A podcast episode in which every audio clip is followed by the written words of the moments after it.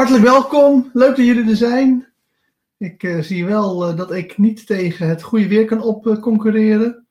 dus dat is voor mij weer een goede aanwijzing om toch de focus meer en meer te verleggen naar de avond van tussen 7 en 8. Dat lijkt de ideale uitzendtijd te zijn. Dus nou, mochten jullie feedback hebben op wanneer de beste tijd is om dit soort uitzendingen te doen, dan hoor ik het graag. Maar vooralsnog lijkt dat toch vooral uh, de vroege avond te zijn, tussen 7 en 8. Desalniettegen,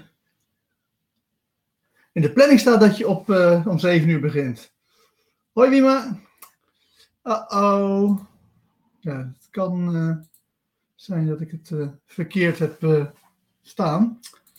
Dus dan is het helemaal dom van mijzelf. We gaan het nader onderzoeken. Desalniettemin gaan we toch een hele goede uitzending uh, ervan maken vandaag. Want er komt uh, een van mijn favoriete onderwerpen aan bod, het totemmodel. Maar voordat we beginnen, eerst even een uh, terugblik op alles wat we al gedaan hebben. Te beginnen, we zijn bezig met de ABC NLP Practitioner.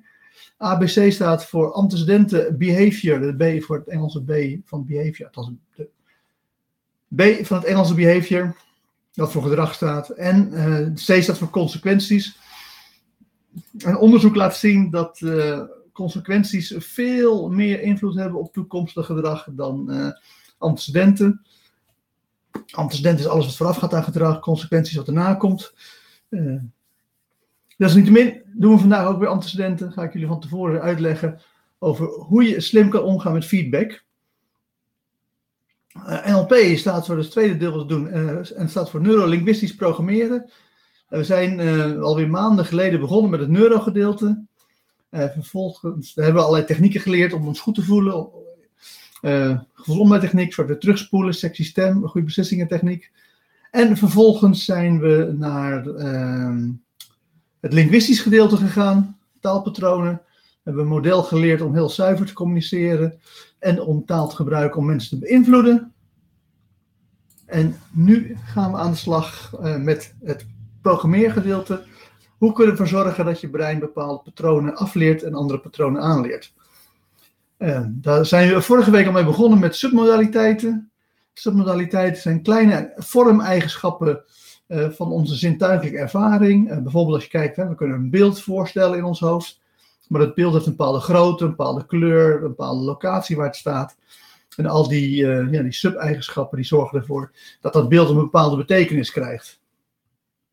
Dus uh, die zijn heel belangrijk. Maar, en we, uh, we, hebben ook gezien dat wanneer die hele lijst met submodaliteiten afgaat, dat je dan een heel erg ja, goede manier in beeld brengt hoe het brein werkt. Hoi Sunny, leuk dat je er ook bij bent.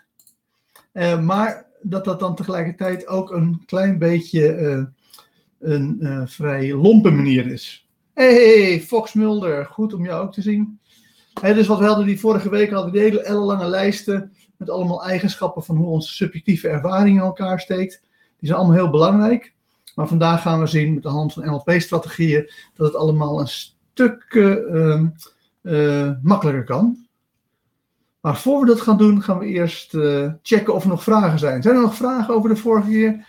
Hebben mensen nog vragen? Mocht je vragen, opmerkingen, aanmerkingen hebben, uh, wanneer je het oneens bent met me of juist eens met me bent, uh, zet het gerust in de chat.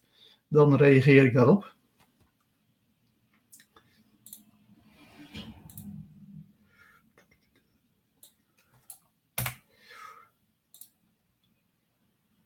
Dus,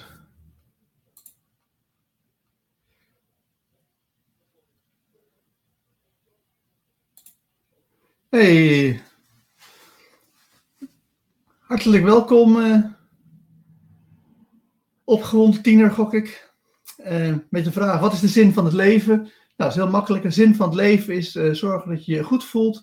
Dus je hebt eigenlijk vijf taken in het leven.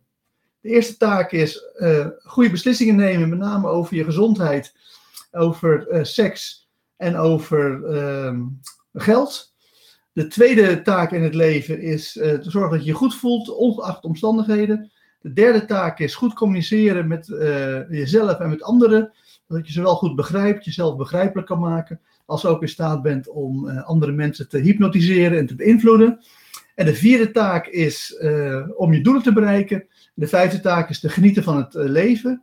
En het geheim van al deze taken is, is dat de eerste vier taken taken van je onbewustzijn zijn. Dus je onbewustzijn moet zorgen dat hij goede beslissingen kan nemen, dat hij zich goed voelt, goed communiceert en je doelen bereikt. En dan heb je voor je bewustzijn maar één taak. En die ene taak, uh, dat is genieten van het leven. En daarvoor is het handig om zoveel mogelijk mooie momenten in je leven op te zoeken. Uh, zoveel mogelijk te genieten van die mooie uh, momenten. Zodat je herinneringen opbouwt voor de toekomst. Zodat je in de toekomst ook weer hoe zeg je dat, uh, ja, opnieuw mooie momenten kan hebben, ook al zit je helemaal niet in een mooi moment, door puur ervoor te zorgen dat je zo'n goed mooi moment wat je al meegemaakt hebt, uh, aan het herbeleven bent. Dan is er een vraag van Wima, bestaat er een goed boek over uh, metaprogramma's? Graag gedaan, Balt, Beerdert en Trovort bestaat er een goed boek over metaprogramma's.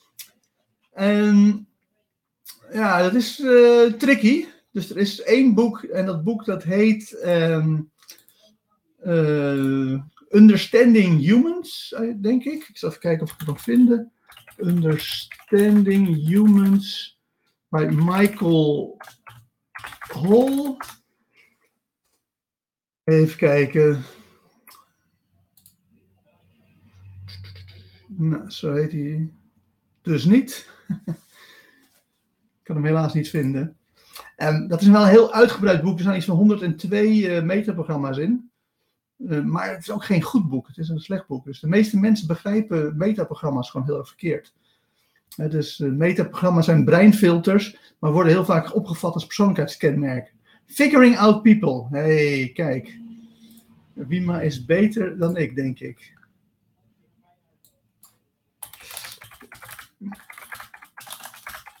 Eens even kijken of dat hem is. Ja, dat is hem wel. Uh...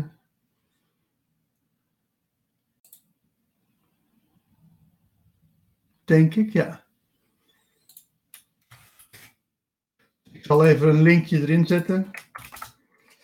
Dat is een uitgebreid boek, maar het, ja, het, er zitten zoveel problemen in dat boek. Uh, eerste plaats omdat ze denken dat ze die metaprogramma's vinden, terwijl ze feitelijk die metaprogramma's verzinnen.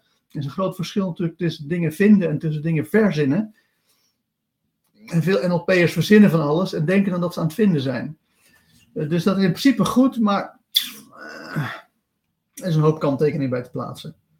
Dus het beste is uiteraard het uh, ABC NLP handboek. Um, maar die komt pas 6 september uit. Maar er staat wel uh, veel, uh, er staat gewoon een hoofdstukje over metaprogramma's in. Je kan het dan wel alvast bestellen. Hoe meer mensen van tevoren het boek bestellen, uh, hoe dankbaar ik ze ben. Dus, als dat.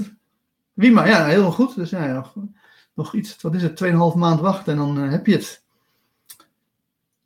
Um, nou, als er verder geen vragen, opmerkingen zijn, dan gaan we gewoon snel door met de. oh, ik wilde nog wel het boek laten zien. Maar ik was vergeten om de screenshare aan te zetten. Dus, we gaan aan de slag. Als er verder geen vragen of opmerkingen zijn. Te beginnen met het test, het totenmodel. Het totenmodel staat voor Test, Operate, Test, Exit. Dit is de oorspronkelijke versie uit 1961. Um, is er ook een presentatie Um, bedoel je, is er een presentatie van het ABC NLP handboek? Net zoals dat we het uh, neurogram handboek hebben gepresenteerd uh, in uh, januari 2020, vlak voordat de coronacrisis uitbrak. Als dat de vraag is, dan is het antwoord ja.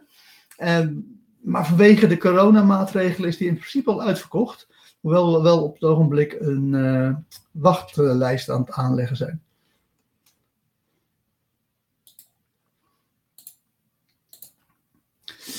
Dus. Kijk. Die, uh, ja, de, als je diezelfde link volgt naar het ABC NLP handboek, dan wordt er ook uh, beschreven dat daar een, een boekpresentatie is. Dus, terug naar het totemmodel. Het totemmodel is een cybernetisch model. Cybernetica is ontwikkeld in de Tweede Wereldoorlog, toen ze bezig waren om een, een, soort analoge computer te maken die afweergeschut kon doen. En ze hadden natuurlijk wel afweergeschut, dat moest met de hand bediend worden door, in de Tweede Wereldoorlog door de Engelsen. En het probleem was is dat de Duitse straaljagers sneller gingen dan dat ze tot nu toe gingen. En dat betekent als je het afweergeschut zeg maar, richten op waar het straaljager was, dan waren die straaljagers zo snel dat tegen de tijd dat de kogels daar waren, oh, kant op gaan, dat de straaljager al weg was. Dus je moest niet uh, schieten waar het, vliegtuig nu was, je moest schieten waar je dacht dat het vliegtuig uh, waarschijnlijk heen ging. En um, nou, dat, eh, dat kan je ook wiskundig berekenen. Wat er, aan de hand van hoe snel een vliegtuig gaat, kan je berekenen hoe waarschijnlijk het is dat dit vliegtuig ergens is. En dus idealiter heb je een computer die uitrekent waar je moet schieten. En dan, ja, dan is de kogel en de vliegtuig die komen elkaar tegen. En dan boem, einde vliegtuig. En uh, dat hebben ze in de Tweede Wereldoorlog een computerverlopen proberen te maken. Uh, door middel van allerlei chemische en biologische processen. Dus we hebben, nu hebben we de digitale computer, die werkt met stroompjes die aanstaan, of uitstaan. Maar Cybernetica probeerde een biologische computer te bouwen.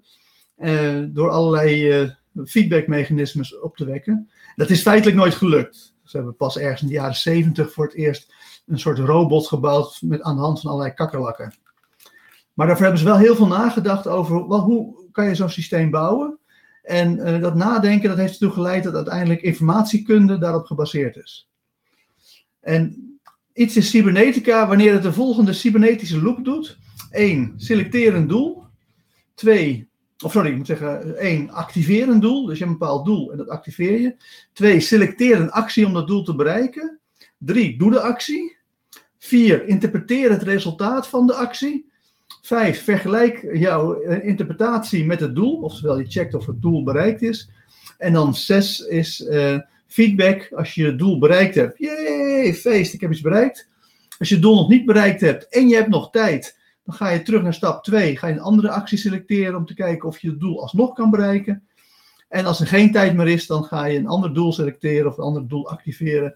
Dan ga je uh, escaleren naar een hoger, hoger niveau om te kijken of die de problemen voor je kunnen oplossen. En test, operate, test, exit. Het totenmodel waar je hier het plaatje van ziet. Die, uh, werkt precies ook volgens die cybernetische loop. En dat betekent ook dat uh, het totemmodel echt cybernetica is. En we zullen vandaag zien dat heel NLP, heel, neuroling heel neurolinguistisch programmeren, gebaseerd is op het totemmodel. Alles wat we doen, doen we uiteindelijk op het totemmodel. En dat betekent dat heel NLP uh, eh, cybernetica is. Uh, dus dat is mooi, want dan hebben we een mooie wetenschappelijke basis. Want cybernetica is gewoon 100% wetenschappelijk. Dus hoe werkt het totemmodel? Nou, er komt een stimulus binnen, er is iets aan de hand. Vervolgens test je om te kijken of je er iets mee moet. Want het kan best zijn dat er iets aan de hand is. Hè. Bijvoorbeeld, ik woon vlak bij Schiphol en we hebben het heel ja, lekker rustig gehad, omdat er helemaal geen vliegtuigen vlogen vanwege de coronacrisis. En nu uh, komt er, zijn er weer meer vliegtuigen. Dus dan komt de enige regelmaat, is er een stimulus, en wij door van hé, hey, er is een vliegtuig. Nou, dan gaan we dat testen. Moet ik daar iets mee? Nou, het antwoord is nee. Ik doe helemaal niks met die vliegtuigen. Die vliegen over. Ja, wat moet ik er verder mee? Dus mooi, prima. Dan is, uh, ja, dan is mijn doel met die vliegtuigen bereikt. Uh, dat, betekent, dat is wat hier congruity betekent. Dat de situatie van de wereld komt overeen met mijn doelen. Dus dat betekent dat het een exit is. maar stel dat het uh, bijvoorbeeld heel hard gaat regenen en mijn huis dreigt onder te lopen. Dan hebben we een stimulus. Dan testen we, moet ik daar iets mee? En dan zeggen we, ja, daar moeten we iets mee. En dan gaan we de operatie in, de operating. Dan ga ik iets doen. Ga ik zandzakken vullen, ga ik het voor de deur leggen. En zodra ik de operatie gedaan heb, dan ga ik testen, van heb ik nu mijn doel bereikt? En als mijn doel niet bereikt is, dan zeg ik, hé, hey, ik heb mijn doel nog niet bereikt, ik moet meer doen. Nog, nog meer zandzakken, uh, misschien moet ik een waterpomp huren, of moet ik de spullen omhoog uh, doen naar de eerste etage. Nou, op die manier zie je dat er een continue loop is tussen testen of je doel bereikt hebt en de operatie die ervoor zorgt dat er iets verandert. En als ik op een gegeven moment mijn doel wel bereikt heb, dan is er weer congruïteit en dan ben ik klaar en dan is een exit. dit is, dit is uh, hoe alle cybernetische systemen werken. eh, computers werken zo, maar mensen werken ook zo. dus je kan bijvoorbeeld zien dat iemand die depressief is of die een depressie heeft, we hebben geleerd dat we dat nooit zeggen, maar stel dat iemand depressieve gevoelens heeft, wat er dan gebeurt is, hij test, is er iets aan de hand? Ja, het is een stimulus, ik voel me slecht. Oké, dan moet ik aanpakken. Nou, dan ga ik iets doen. Ja, ik weet niet wat. Ik ga een beetje in een hoekje zitten dus, suffen. Nou, is het probleem opgelost? Nee, ik voel me nog steeds naar. Oké, dan ga ik iets anders doen. Wat ga je nu doen? Nou, dan ga ik even tv kijken. Oh, dat lost het op? Nee, lost het ook niet op.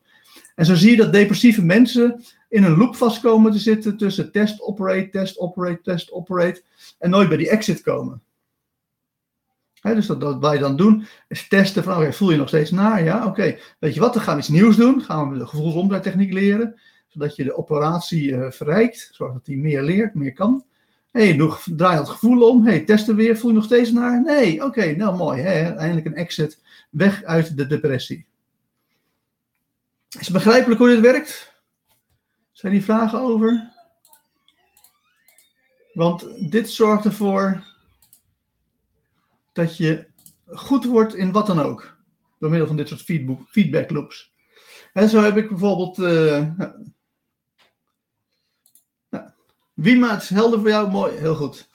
En in de jaren 80, uh, of jaren 80, zo, ik ben wel zo oud, maar ik had nog niet bedacht dat ik wilde DJ in de jaren 80. En toen was ik nog met cassettebandjes bezig. Um, maar in eind jaren 90 had ik bedacht dat ik wil DJ'en. Ik had toen uh, muziek bij elkaar verzameld. En ik ging die muziek aan elkaar mixen. En ik dacht, wauw, ben ik goed man. Luisteren, oh, goede muziek. Lekker uh, alles aan elkaar gemixt. En ik heb een cd'tje van gebrand. Ik naar een DJ gebracht. Nou, luister eens naar, een echte DJ. En die uh, had zijn koptelefoon op en die luisterde. En nou, binnen een paar seconden zei hij, oh, wat verschrikkelijk. Het is vals, de beat zit niet op elkaar. Was van alles mis. Want ik kwam namelijk achter dat mijn brein het gewoon niet hoorde. Dat ik weliswaar wilde DJ'en, maar niet het uh, voor het brein had wat ook kon DJ'en. Ik uh, bleek toondoof te zijn, behoorlijk aritmisch en dat soort dingen. Dus vanavond ga ik weer DJ'en. lekker, lekker bruggetje. Dus mocht je om tussen ergens, ik begin waarschijnlijk ergens tussen 8 en 9. Mocht je tussen 8 en 9 inlogt op Reddit, dan hoor je mij een heel technofeest geven. En dan zul je zien dat ik op een of andere magische wijze in de tussentijd, nou ja, uh, 2000 was natuurlijk lang geleden, uh, in de afgelopen 20 jaar heb leren DJ'en. Maar ik heb leren DJ'en dankzij hypnose, maar meer nog dankzij het totemmodel. Want ik heb continu heb ik gedaan, oké, testen, kan ik DJ'en? Nee, nog steeds niet. Oké, verander iets in mijn werkwijze om te DJ'en. Oké, weer testen, kan ik al DJ'en? Nee, nog steeds niet. En dat heb ik dus letterlijk van eind jaren 90 tot aan 2003 gedaan. En in 2003 brandde ik weer een cd'tje, gaf ik aan de uh, DJ. En toen luisterde hij naar en toen zei hij, oké, ik zal eerlijk toegeven, vanaf nu kan je DJ'en. Dus sinds 2003 kan ik echt DJ'en. Niet omdat ik uh, iets gedaan heb aan de toondoven, dat ben ik nog steeds. Uh, aan ritmisch ben ik ook nog steeds. Maar omdat ik ontdekt heb hoe ik met computers ervoor kan zorgen dat die die problemen oplossen. Zodat ik vooral kan DJ'en op smaak. En op ja, nou, allerlei ingewikkelde technische foefjes die je met computers kan uithalen. Dus op die manier heb ik mezelf leren DJ'en. Ben ik zelfs heel goed geworden in DJ'en. Uh, klinkt arrogant, maar iedereen die een klein beetje verstand heeft van uh, house muziek, dan nou, die kan direct horen dat het gewoon heel goed gemixt is. check het vooral. Wat staat er vanavond? techno, ja, dus, ja, elke zaterdagavond is in principe techno. Dat vind ik zelf het leukste om te doen. Uh, vanavond is het een combinatie van techno plus asset house. Dus dat uh, wordt uh, klerenherrie, voor die mensen die van kleringherrie houden. Nou, Fox Mulder is een klein feestje vanavond, hartstikke leuk. over het algemeen geldt dat de meeste mensen een hekel hebben aan techno. Ah, LSD house, ja nou, het is meer asset house en allemaal van die bliepjes uit de jaren, begin jaren negentig zal niet al te veel uh, uh, house gaan nadoen. Voor je het weet uh, maak ik mezelf belachelijk. Maar je zult zien dat, dat wat we doen, is bij elke stap van zo'n NLP-techniek, doen we in principe het totenmodel. Dus als je gaat kijken naar het gevoelsomdraaitechniek, dan beginnen we bij, oké, waar zit het gevoel? Dat is stap 1. Dat is, de eerste operatie is ontdekken waar het gevoel zit. Nou, als mensen dat nog niet kunnen, als ze zeggen, ja, ik heb geen idee waar het zit, dan blijven we dus doorzoeken door continu operate test, operate test, operate test te doen. Hebben ze het gevoel gevonden, dan uh, uh, is de volgende stap zeggen, oké, hoe beweegt het? Nou, dan gaan we kijken of we dat kunnen uitzoeken. Opnieuw test, operate, test, operate, test, operate. Net zolang dat we het ontdekt hebben, dat ze het kunnen uh, ontdekken waar het zit. Op het moment dat ze ontdekt hebben waar het zit en hoe het beweegt, dan is de volgende vraag, lukt het om het te verbeelden? Nou, we opnieuw zo'n loop in, test, operate, test, operate, net zolang dat ze het verbeeld hebben. dus de volgende stap is, oké, kan je dat beeld veranderen door een andere kleur te geven, andere richting van het gevoel op te laten gaan. Opnieuw geldt test, operate, test, operate, net zolang dat het gelukt is. Is het gelukt, dan plaatsen we dat beeld weer terug in het lichaam. En zodat mensen het omgekeerde gevoel gaan voelen. En dan gaan we weer test, operate, test, operate, test, operate doen. Net zolang dat dat gelukt is. En dus hopelijk wordt duidelijk dat we bij NLP sequentieel werken, stapje voor stapje voor stapje. Elk stapje is het totemmodel feitelijk. En dan gaan we net zo lang door, test, operate, test, operate, test, operate. Totdat we succes hebben, totdat het gelukt is wat het doel is voor, die, e, voor dat ene stapje. En dan pas gaan we verder naar de volgende stap. Dus ik hoop dat dit uh, begrijpelijk is. Want dit is echt de crux van hoe, hoe alles bij NLP werkt. Dus ik zal mensen de tijd geven om vragen te stellen, dan wel te bevestigen dat ze het helemaal snappen. Voordat ik verder ga.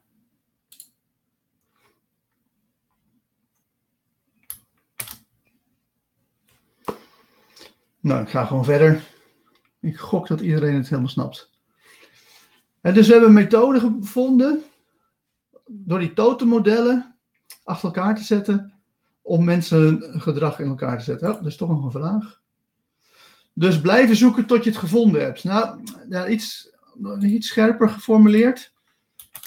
Het is dus de operatie blijven doen totdat je je doel hebt bereikt. Als je het doel is om iets te vinden, dan moet je dat blijven zoeken tot je het gevonden hebt. Maar het kan best zijn dat je het doel is om bijvoorbeeld iets anders te verbeelden of, uh, of een geluidje terug te halen, wat, wat het ook is. Um, dus het gaat echt om wat is het doel en we gaan door tot we het doel hebben bereikt. Tenzij er geen tijd meer is of het te lang duurt. Want we willen ook voorkomen dat mensen vastkomen te zitten in dit soort feedback loops. Want dat, dan krijg je mensen met vaak een depressie of een burn-out. Die proberen wel eruit te komen, maar die hebben geen idee hoe. Die, die hebben we vorige week gezien. Die hebben een te arm wereldmodel om te ontdekken hoe ze uit die loop komen. Hoe ze ervoor kunnen zorgen dat ze weer naar een exit komen.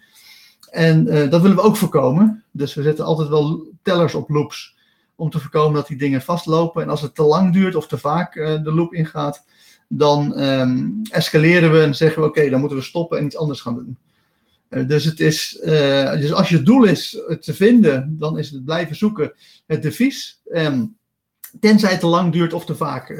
als je al honderd keer het huis hebt afgezocht naar iets, dan moet je misschien op een gegeven moment tot de conclusie komen dat het gewoon niet in huis ligt.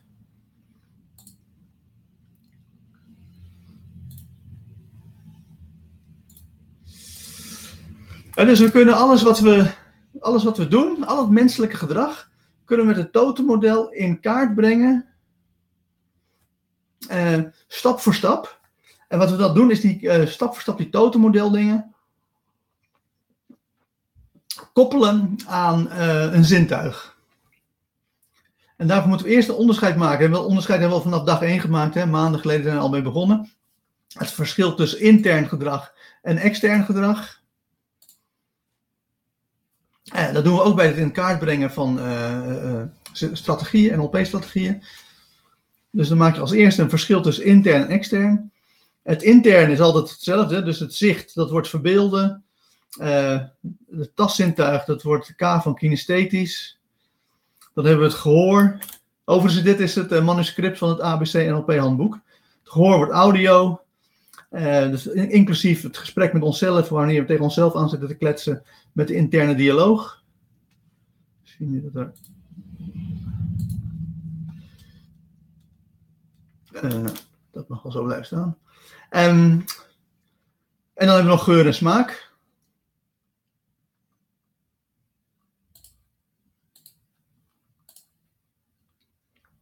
Het wordt vooral interessant op het moment dat we dat extern gaan bekijken. Want extern kun je twee dingen doen. Extern kan je het actief doen. of actief waarnemen. dus als je het, het, zicht neemt, kun je zorgen dat, dat je iets produceert wat andere mensen kunnen zien. hier hebben we een voorbeeld bijvoorbeeld van verven, of het schrijven van een e-mail, of eh, nou ja, een brief, ouderwetse brief schrijven, ansichtkaart schrijven. Dat zijn allemaal dingen die we maken zodat andere mensen iets kunnen zien. En dat coderen we als extern gedrag, een eetje. En dan een V voor het verbeelden, het visueel. En dan ehm, zetten we erbij dat het actief is, omdat we het zelf doen, zelf iets maken, creëren, waarmee andere mensen iets kunnen zien. Maar je kunt ook gewoon iets zien en je zou heel erg de neiging krijgen om te denken, we gaan dan iets passief zien. Maar daar is dus geen sprake van, uh, want uh, ons zien is geen passieve activiteit. Dat is een hele actieve, we, we, nemen actief waar. Als we iets niet goed kunnen zien, dan gaan we er verder kijken, misschien een, vergrootglas bij pakken, gaan we staren. Dat zijn allerlei activiteiten die we doen. Dus zien is geen passieve innemen van signalen van buiten, zoals vaak bij NLP wordt gedacht. Maar zien is gewoon een heel actief proces. Alleen minder actief dan verven of een e-mail schrijven, dat soort dingen. Dus ik hoop dat jullie doorkrijgen dat we dus intern gedrag hebben. Dat is bij visueel altijd verbeelden. Maar als het extern gedrag is, dan is het of iets creëren, wat zichtbaar is, of iets zien. Nou, hetzelfde hebben we bij tast.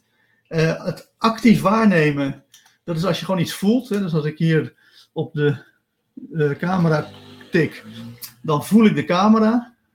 En dan merk ik, hé, hey, de camera die geeft weerstand. En dat kan ik voelen. Dat is dan een extern gedrag, wat dan actief waarnemen is. Maar als iemand mij een klap geeft en zo, ah, ik word geslagen, dan is dat ook typisch extern gedrag met een, een uh, actief waarnemen van het feit dat ik daar iets voel. Dat iemand mij in mijn gezicht slaat. Maar andersom, maar andersom kunnen we natuurlijk ook heel veel andere dingen doen. Maar in principe is het zo dat al het andere, wat niet in de overige vier categorieën valt, dat beschrijven we als uh, het actief doen van iets wat je voelt. Waarom? Omdat je, uh, je voelt dat je lichaam beweegt. Hè? Stel dat ik aan het wandelen ben, lekker gezellig aan het wandelen, la la la, leuk. Dan is dat, ik heb door dat ik wandel omdat ik mijn lichaam voel gaan. Dus dat valt dan onder dat externe gedrag met een kaartje voor kinesthetisch.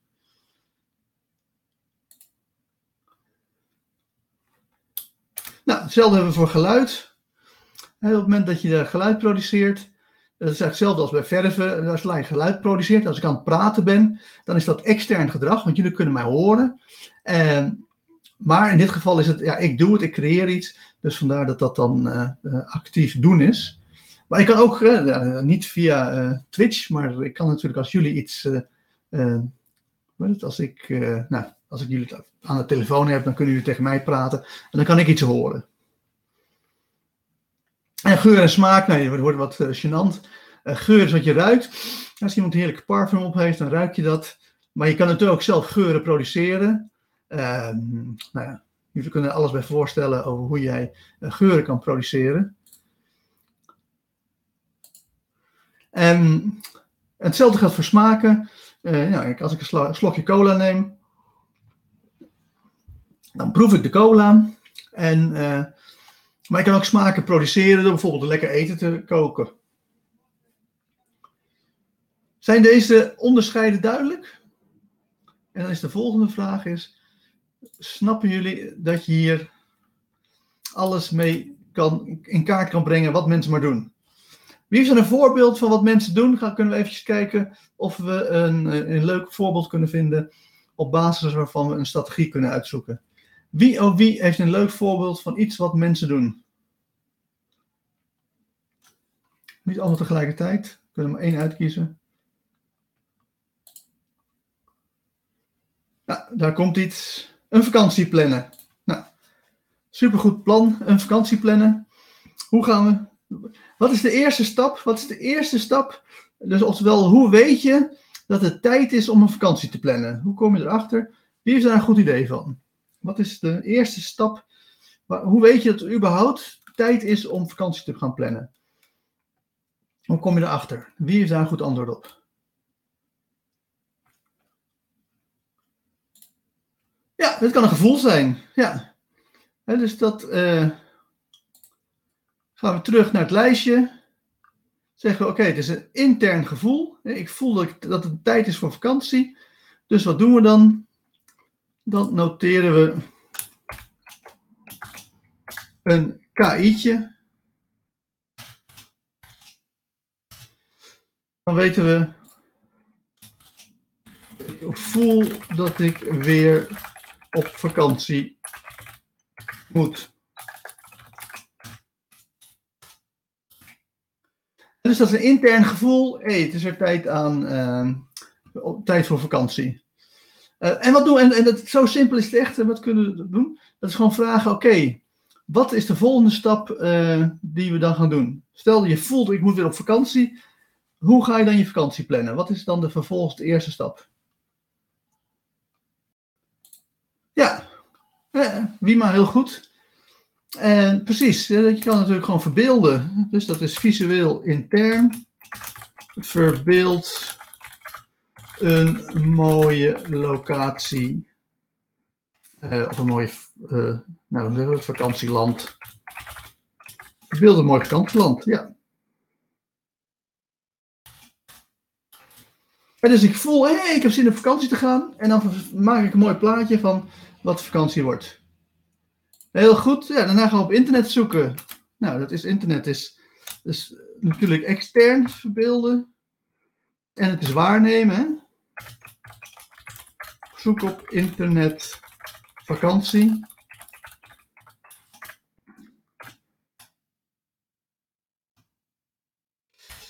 Oké. En stel dat je een iets vindt. Uh, ga je dan uh, zomaar op vakantie of uh, moet het ook nog aan voorwaarden voldoen?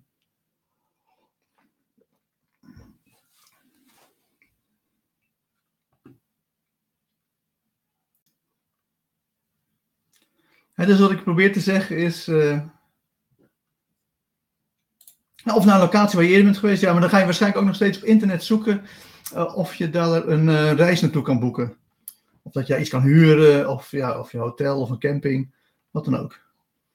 dus ik denk dat het, dat het de volgende stap is, dat is een AID, dat wil zeggen auditief, intern, digitaal. Waarbij je jezelf afvraagt, kan ik deze vakantie betalen? Dan krijg je nou. Oh ja, dan gaat het verder. En zo nee, dan gaan we terug naar. Uh, ik moet echt nog eventjes nummertjes bijzetten. Oh. Waar zijn de nummertjes gebleven? Hier zijn de nummertjes. En dus, we kunnen ons dan afvragen nadat we een vakantie gevonden hebben. Kunnen we deze vakantie betalen? En zo nee, dan gaan we terug naar stap 3. Dan gaan we terug naar zoeken op internet naar nieuwe vakanties. Uh, zo ja, wel. Nou, dan gaan we waarschijnlijk weer visueel de vakantie boeken.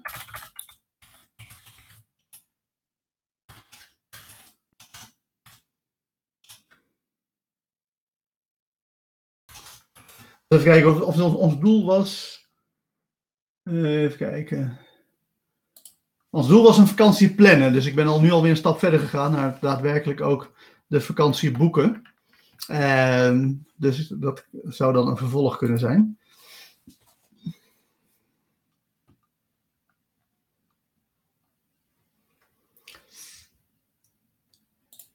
Ja, waarom is boeken visueel? Uh, ik gok, maar nogmaals, het is gokken dat je online een formuliertje aan het invullen bent. En dat gaat dus primair over het feit dat je die formuliertjes kan zien. En daarom is het een uh, uh, visuele activiteit. Maar als je bijvoorbeeld, hè, wat hier staat ook, locatie, wat Sunny zegt, locatie direct contacteren. Nou, stel dat je ze belt. En dan kan het zijn dat je boeking doet via extern praten. En dan zou het, dus laten we zeggen dat we dat doen. Dan wordt dit een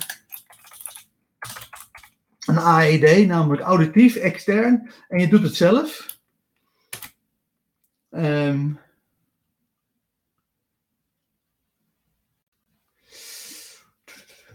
dus er zijn even een paar vragen die weet waarom is boeken visueel, die hebben we gehad.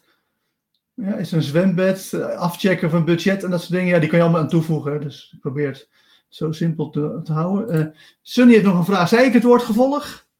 Dat weet ik niet. Het kan best zijn dat ik mezelf versproken heb, maar in principe hebben we hier geen uh, oorzaak-gevolg staan. We hebben gewoon puur de ene stap volgt op de andere stap, zonder dat het het oorzaak of het gevolg wordt. Uh, ja, je hebt helemaal gelijk, dat bestaat toch niet? Nee, dus dan moet ik het ook niet zeggen. Dus als ik het gezegd heb, heb ik mezelf gewoon versproken. Uh, maar je doet er ook iets op knoppen klikken. Ja, absoluut. Hè? Dus, dus hier zie je al iets. we hebben iets dat heet chunken. Laat ik uh, even kijken of er een mooi plaatje van is. Had ik niet van tevoren voorbereid.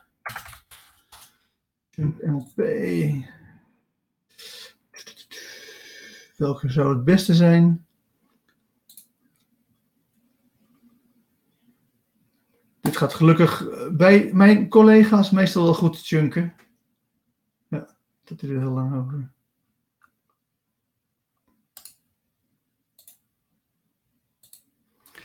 Kunnen het mooi van hen lenen. En, en dus hier zie je chunken. In dit geval uh, ja, weet ik niet precies wat ze aan het chunken zijn. Um, maar het lijkt erop dat ze kasten aan het uh, uh, chunken zijn. En dan kan je zien dat je, je kan drie kanten op chunken. Je kunt omhoog chunken, je kan naar beneden chunken. Je kunt links en rechts chunken. Um, hier gaat naar beneden, gaat vrij onhandig. Ik zal even het ding weghalen. Want hier zeggen ze, kasten bestaan uit onderdelen. Maar ja, dat, dat is wel duidelijk. Alleen bij chunken dan moet je hier dus zeggen uh, lades. Uh, want dan ga je kijken, waar bestaat een... een uh, dus als je kast als verzameling neemt, dan kun je afvragen... waar bestaat, wat zit er in die verzameling kast? En dan zitten erin lades, deuren, onderstel, poten. Um, dus die kan je hier gewoon benoemen. Het heeft geen zin om dat onderdelen te noemen. Ja, alles bestaat uit onderdelen. Dat is het hele idee van chunken. En vervolgens kan je wel zeggen, ja, een lade bestaat dan weer uit planken, pluggen en schroeven. Maar je kan wel hier zien dat je kan afvragen wat, tot, wat voor soort categorieën hoort kasten. Nou, dat hoort tot meubelen. Ja, dit gaat dan fout hier, want dan is de vraag, waar, waar behoren meubelen toe? Ja, die behoren niet tot de verzameling IKEA Store. Eh, dus hier gaat het eh, chunken toch uh, fout, ondanks dat dit echt ja, een van de meest simpele dingen is. Meubelen zijn typisch iets van bijvoorbeeld roerende goederen. Dus hier had er als niet IKEA moeten staan, maar roerende goederen. Het slaat nergens op om hier IKEA te zetten. Maar hier doen ze wel goed, banken en bureaus, dat zijn andere voorbeelden van meubels. dus als je weer teruggaat naar de, de ding, dan kan je zeggen van oké, dus als je de, vraag van Ingeborg pakt, maar je doet toch ook iets op, op knoppen klikken, dat klopt. Alleen dan is het, maar dan zit je dus op een nog lager chunk niveau. Ik hoop dat je dat begrijpt. Dus hebben hier hebben we boeken de vakantie. En uh, dat is dan zeg maar een hoger niveau. En ik, maar nogmaals, je kan best ervoor kiezen om het anders te doen. Maar uh, ik denk dat het belangrijkste bij het boeken van de vakantie. En nu hebben, we, nu hebben we hem zo staan dat je echt aan het bellen bent. Dus dat moet ik even terugzetten naar wat het was. Namelijk een visueel extern. Volgens mij vul je gegevens in. Dus ik had net, net een waarnemer staan, maar dan nee, je neemt het formuliertje, het boekingsformulier waar. Maar je vult het zelf in. Dus in die zin is het iets uh, dat je iets doet. Um, dus op een bepaald niveau is het, wat, wat doe je? Ja, je vult een formulier in. En daarvoor kan je kiezen, is het invullen van het formulier, is het iets visueels of is het iets uh, fysieks, hè, dat je het echt je lichaam voelt gaan. Uh, je hoort ondertussen ook de knoppen klikken en zo. Maar dan zit je echt volgens mij op een lager niveau. Dus op dat hoge niveau moet je een keuze maken. Welk van al die zintuigen die betrokken zijn, is het meest belangrijke zintuig. En dan denk ik, omdat je natuurlijk je uh, gegevens door wil geven aan een derde partij. Dat, en die gegevens zijn, die zijn primair visueel. Snap je? Het is niet zo dat de mensen die aan de andere kant die gegevens binnenkrijgen, dat die echt voelen hoe jij dat ingetikt hebt. Dus in die zin uh, denk ik dat het helemaal, je hebt helemaal gelijk. Je bent ook op, op knoppen aan het klikken. Maar waar het om gaat is dat je visuele informatie in een systeem invoert, zodat andere mensen dat weer kunnen zien. En dat is de reden waarom we voor het visuele gaan in plaats van het knoppen klikken. Maar als je nou dieper zou gaan, dus naar een lager uh, detailniveau, detailniveau waar je um, uh, zeg maar gaat uitzoeken hoe je dat dan precies invoert, dan kom je absoluut uit op knoppen klikken. Maar je kan afvragen of dat relevant genoeg is. En, ja, dus hier hebben we de vakantieboekenstrategie. En we moeten er nog even inzetten dat hier dus een beslismoment zit. Stap 3. Dat is de feedback loop. Het is juist dat soort feedback loops die ervoor zorgen dat je, uh, uh, dat je ergens heel erg goed in wordt. dus de, uh, hier is het doel is het vinden van een betaalbare vakantie. Ja, als, we, als we onbeperkt budget hebben, dan hoeft dat dan niet het doel te zijn. Maar ik ga er even vanuit dat dat geen zin het geval is. Dus het doel is het boeken van een betaalbare vakantie. En dan kunnen we dus in stap 4 met het totenmodel checken of dat daadwerkelijk is bereikt. Dus dit is een, uh, ja, een hele simpele uh, NLP-strategie. En je kunt al, alle uh, menselijke gedragingen, alles wat mensen doen, kan je hierin vatten. En ik weet niet of er mensen online zijn die ooit een modelleeropdracht hebben gemaakt. Ehm, dat is bij de NLP Master Practitioner, bij de meeste opleidingen, nooit bij mijn opleiding, want ik vind dat het nergens op slaat. Maar er zijn mensen die moeten dan een hele scriptie schrijven over wat in principe gewoon hier op het scherm staat. Dus je had je meestal ook in plaats van een hele scriptie van 80 pagina's, had je, je kunnen doen met een half A4'tje. Dat is genoeg. Zijn er mensen die uh, nog vragen, opmerkingen hebben?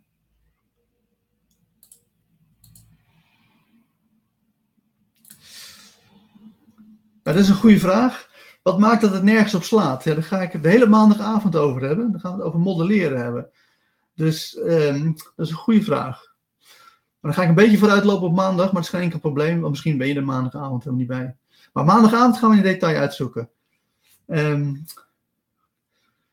het probleem ermee is dat ik heb een modelleren. Dan wil je uh, een model bouwen van iets. Dus nu hebben we alleen maar één strategie. Namelijk boek een vakantie. Maar stel dat je een model wil bouwen van vakantie. Dan is het niet alleen boeken vakantie, maar ook ga op vakantie, reizen, reisdocumenten. Dus voor een vakantiemodel moet je in principe een hele grote verzameling, of dan moet je eigenlijk de verzameling hebben van alle relevante strategieën. Eh, dus dat is stap 1. En je ziet dat in die modelleeropdrachten, dat er dus nooit de totale verzameling uh, van alle strategieën gemaakt wordt, maar dat ze bij de, in het geval dat het goed gaat, dat de allerbeste modelleerverslagen die ik gezien heb, dan zit er hooguit één strategie in.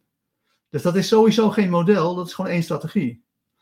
Maar het, uh, dus, dus, nou ja, dan kan je zeggen van ja, maar strategie uitzoeken, Joost, dat is toch wel nuttig. Uh, ja, ja, dat is enigszins nuttig. Maar ook daar zijn nog wel bezwaren tegen. Bijvoorbeeld, ze gaan heel vaak strategieën uitzoeken die al lang bekend zijn. Bijvoorbeeld, hoe krijg ik meer zelfvertrouwen? Ja, dat hebben we al lang technieken voor. Bijvoorbeeld gevoelsomtuigtechniek. Uh, zet gewoon het gevoel van zelfvertrouwen aan. Of gebruik uh, de Swish-techniek om een beter zelfbeeld te zien. Of zo, ja, om zelfs beter zelfbeeld te maken voor jezelf. Dus dat is allemaal al bekend. Dus dan is de vraag, waarom ben je dat nog aan het uitzoeken? Nou, ik kan je zeggen, dat doen we om te leren. Dat is prima, maar laat mensen dan uh, strategieën uitzoeken die, um, die, die ze nog nooit gedacht hebben. Dat ze nooit aan gedacht hebben dat echt nieuw voor ze is. in mijn practitioner, maar dat is niet eens master practitioner niveau. Voor mij is het echt practitioner niveau. In mijn practitioner NLP practitioner opleiding. Die overigens in september weer start. Iedereen is van harte welkom. En daar doen we het uitzoeken van hoe kom je bijvoorbeeld van serieusheid naar humor. Hoe kom je van onverschillig naar uh, liefdevol? Dat zijn strategieën die superhandig zijn, vooral als mensen gaan coachen. Want coachen uh, kan enorm suf zijn als mensen geen liefde voelen en geen humor hebben. Uh, dus dat zijn hele belangrijke strategieën voor coaches. Maar het zijn ook strategieën waar mensen nooit over nagedacht hebben. Dus als ze dat dan uitzoeken, ontdekken ze echt iets nieuws. Dus dat betekent dat ja, om voor de zoveelste keer uitzoeken hoe je meer zelfvertrouwen krijgt, ja, dat is onzinnig. De techniek had je al moeten leren in de NLP Practitioner om mee te beginnen. Ehm, maar het gaat nog veel verder. Want wat je hier ziet, is dat we feitelijk gezien het helemaal ontdoen van de betekenis. Ja, dat is, hè, dat is de absoluut onder, onderdeel van de modelleeropdracht. Moet je dan iemand vinden die er heel goed in is? Ja, nou ja, de modelleeropdrachten die ik gezien heb, die vinden helemaal geen mensen die daar ergens heel erg goed in zijn. Dat zijn vaak de buurvrouw, nou, de kans dat de buurvrouw geniaal is, is natuurlijk relatief klein. Niks ten nadele van buurvrouwen. Uh, dus ze vinden inderdaad heel vaak niet iemand die er goed in is. Dus dat maakt het ook wel heel onhandig. Maar het grootste probleem is, en dat is echt waar totaal de mist in gaat, is dat je hier kan zien dat we in principe het helemaal ontdoen van betekenis. We gaan puur zeggen, Oké, het is een totemmodel. Welk zintuig speelt er mee? En hoe kunnen we dat zintuig het beste definiëren?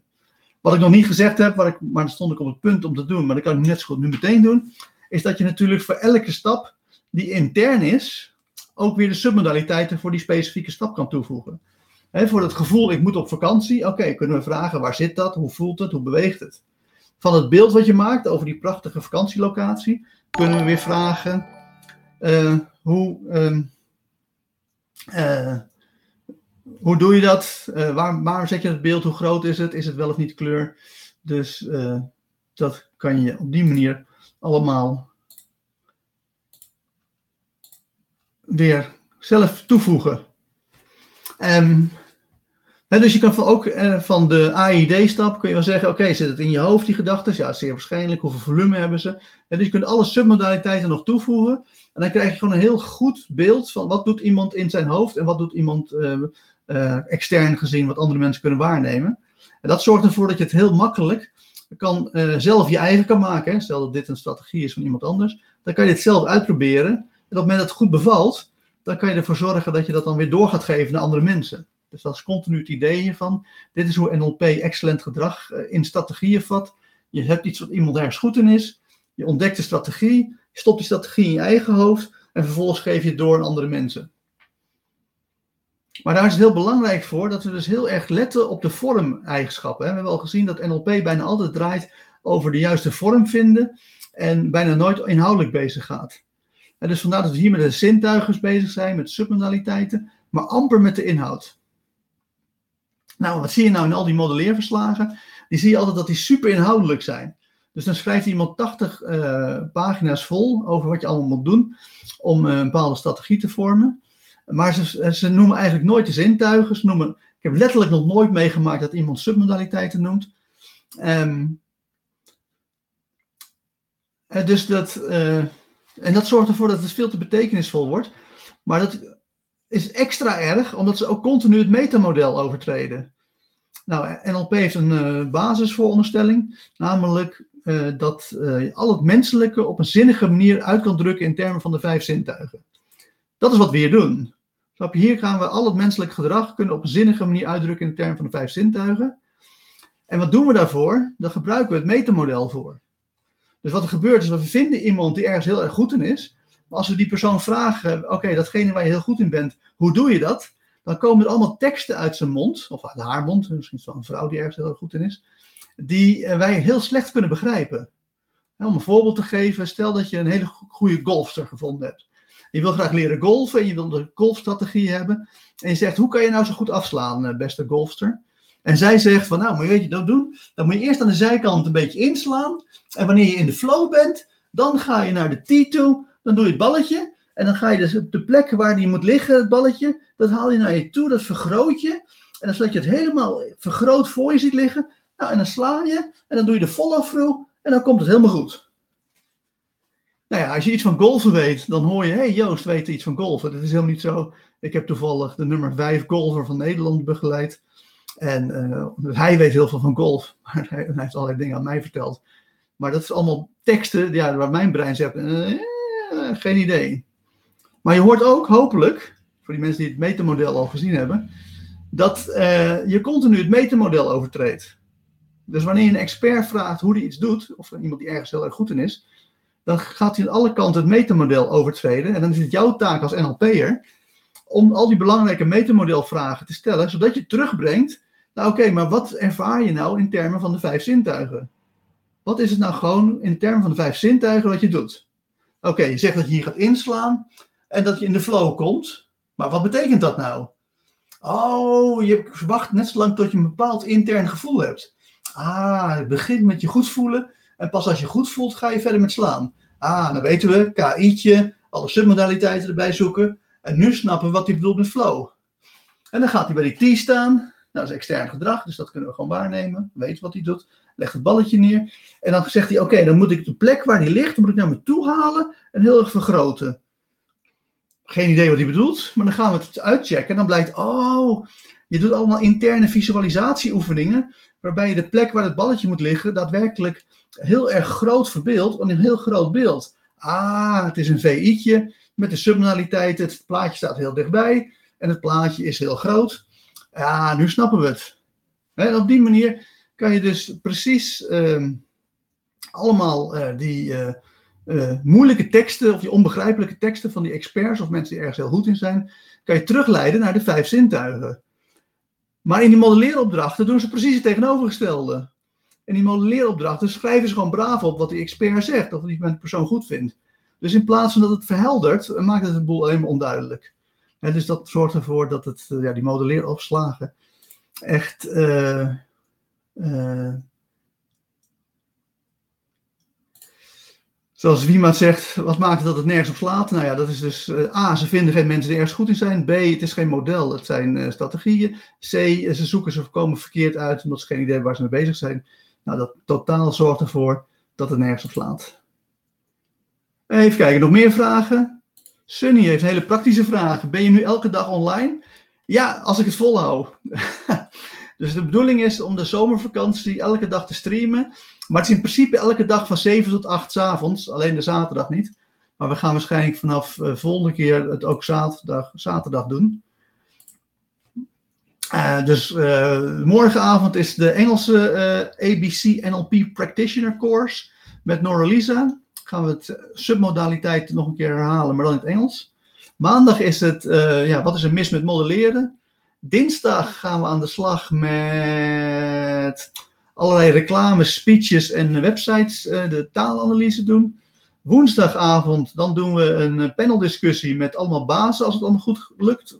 Hopelijk alle bazen. Krijgen we drie tot vijf bazen die uh, gaan discussiëren over wat het is om breintype 8 de baas te hebben.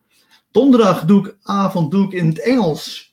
Doen we weer uh, wat is er mis met enneagramtheorieën. Gaan we allemaal enneagramtheorieën uitspitten en kijken wat er verkeerd gaat.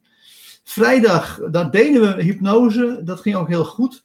Maar eh, ik vind het te weinig interactief. Dus ik ga iets nieuws voor vrijdag zoeken. Maar dat weet ik hopelijk vrijdag. En anders doe ik toch hypnose. En dan is het weer zaterdag. Dus hopelijk heb je, als je, als je verveelt, kan je uh, aan de slag. Dan is er nog een vraag: model versus strategie. Ja, dat is een goed punt. Hè? Dus het model is de totale verzameling van alle strategieën. Of alle relevante strategieën. Niet alle strategieën, dat zou te veel zijn. Maar alle, dus een model is de verzameling van alle relevante strategieën. En de strategie is zeg maar één onderdeeltje ervan. Um, heeft het zin om je eigen onhandige strategieën in kaart te brengen en te kijken wat je kunt verbeteren? Zelden, alleen als je ze echt helemaal niet snapt. Dus we hebben tot nu toe die strategieën vooral beschouwd om uh, te kijken, als iemand ergens goed in is, hoe kunnen we dat dan leren, hoe, wat hij precies doet in zijn hoofd. Niet ons eigen hoofd stoppen en wanneer het goed werkt, doorgeven naar anderen. Maar je kan het ook gebruiken als je, bijvoorbeeld als ik als coach het verhaal van de cliënt echt totaal niet begrijp. En ik heb echt geen enkel idee wat hij in godsnaam in zijn hoofd aan het doen is. Dat is nou, ik heb meer dan 550 mensen gecoacht. Dat is werkelijk één keer voorgekomen. Maar dan snapte ik echt, nou, het verhaal was zo ingewikkeld, ik snapte er niks van. En toen heb ik ook daadwerkelijk op mijn uh, whiteboard, wat je hiernaast uh, kan zien, heb ik het helemaal uitgeschreven, zodat ik eindelijk begreep wat hij nou eindelijk in zijn hoofd deed. Dus je kunt ook uh, problematische strategieën in kaart brengen. Maar meestal is het zo dat mensen gewoon een combinatie doen van zich slecht voelen, de dingen, verkeerde dingen verbeelden en negatieve gedachten produceren.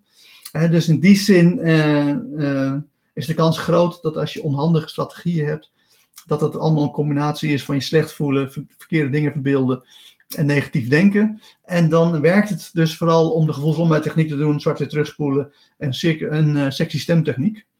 Uh, maar ja, als je, dus bijvoorbeeld als ik zo met DJ'en, deed ik hele onhandige dingen. En toen heb ik daadwerkelijk, uh, ik heb niet echt uitgezocht in stap voor stap wat ik kon doen om te verbeteren. Maar ik heb wel het totenmodel dus gebruikt om gewoon heel bewust te zijn van feedback. Oké, hoe kan ik ervoor zorgen dat ik de feedback krijg? Snappen dat ik iets onhandigs doe. En hoe kan ik dat dan kijken of ik het op een andere manier kan doen? Om te zien of ik alsnog uh, op een goede manier verder kan doen. Dus ik hoop dat dat een antwoord is op je vraag. Nou, dat brengt ons wel aan het einde van uh, NLP-strategieën. Ik weet niet of er nu nog andere vragen zijn over NLP-strategieën, feedback of het totenmodel. Nou, goed om te horen dat je het door hebt, eh, Ingeborg. Dat het een goede, goed antwoord was op jouw vraag. Um, Zijn er nog andere vragen, opmerkingen? Anders dan uh, zijn we klaar voor vandaag.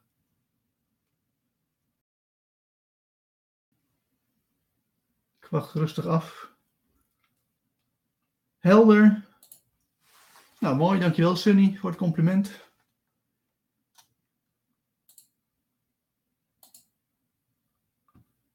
Graag gedaan. Nou, volgens mij zijn er verder geen vragen. Dan dank ik iedereen voor je komst. En dan uh, nou, hoop ik jullie morgenavond of anders maandagavond weer te zien. Tot dan. Doeg!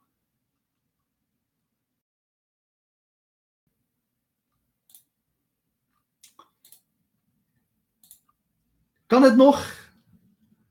Wat, uh, wat kan nog? Uh... Oh, terug, oh, kan het nog teruggekeken worden? Ja, het kan nog teruggekeken worden. Dus uh, zodra ik klaar met de stream ben, dan verschijnen alle vorige video's weer. En wanneer je dan naar, naar mijn Twitch-pagina gaat en bij video's kijkt, dan zie je meteen de eerste serie is de hele ABC NLP Practitioner serie. Dat zijn nu iets van 14 of 15 video's. Ik moet wel hem eerst omzetten voordat het jaar verschijnt. Dus dat kan zijn dat die nog niet vandaag teruggekeken kan worden. Maar dan is het uh, morgen of overmorgen, dan kan die helemaal teruggekeken worden.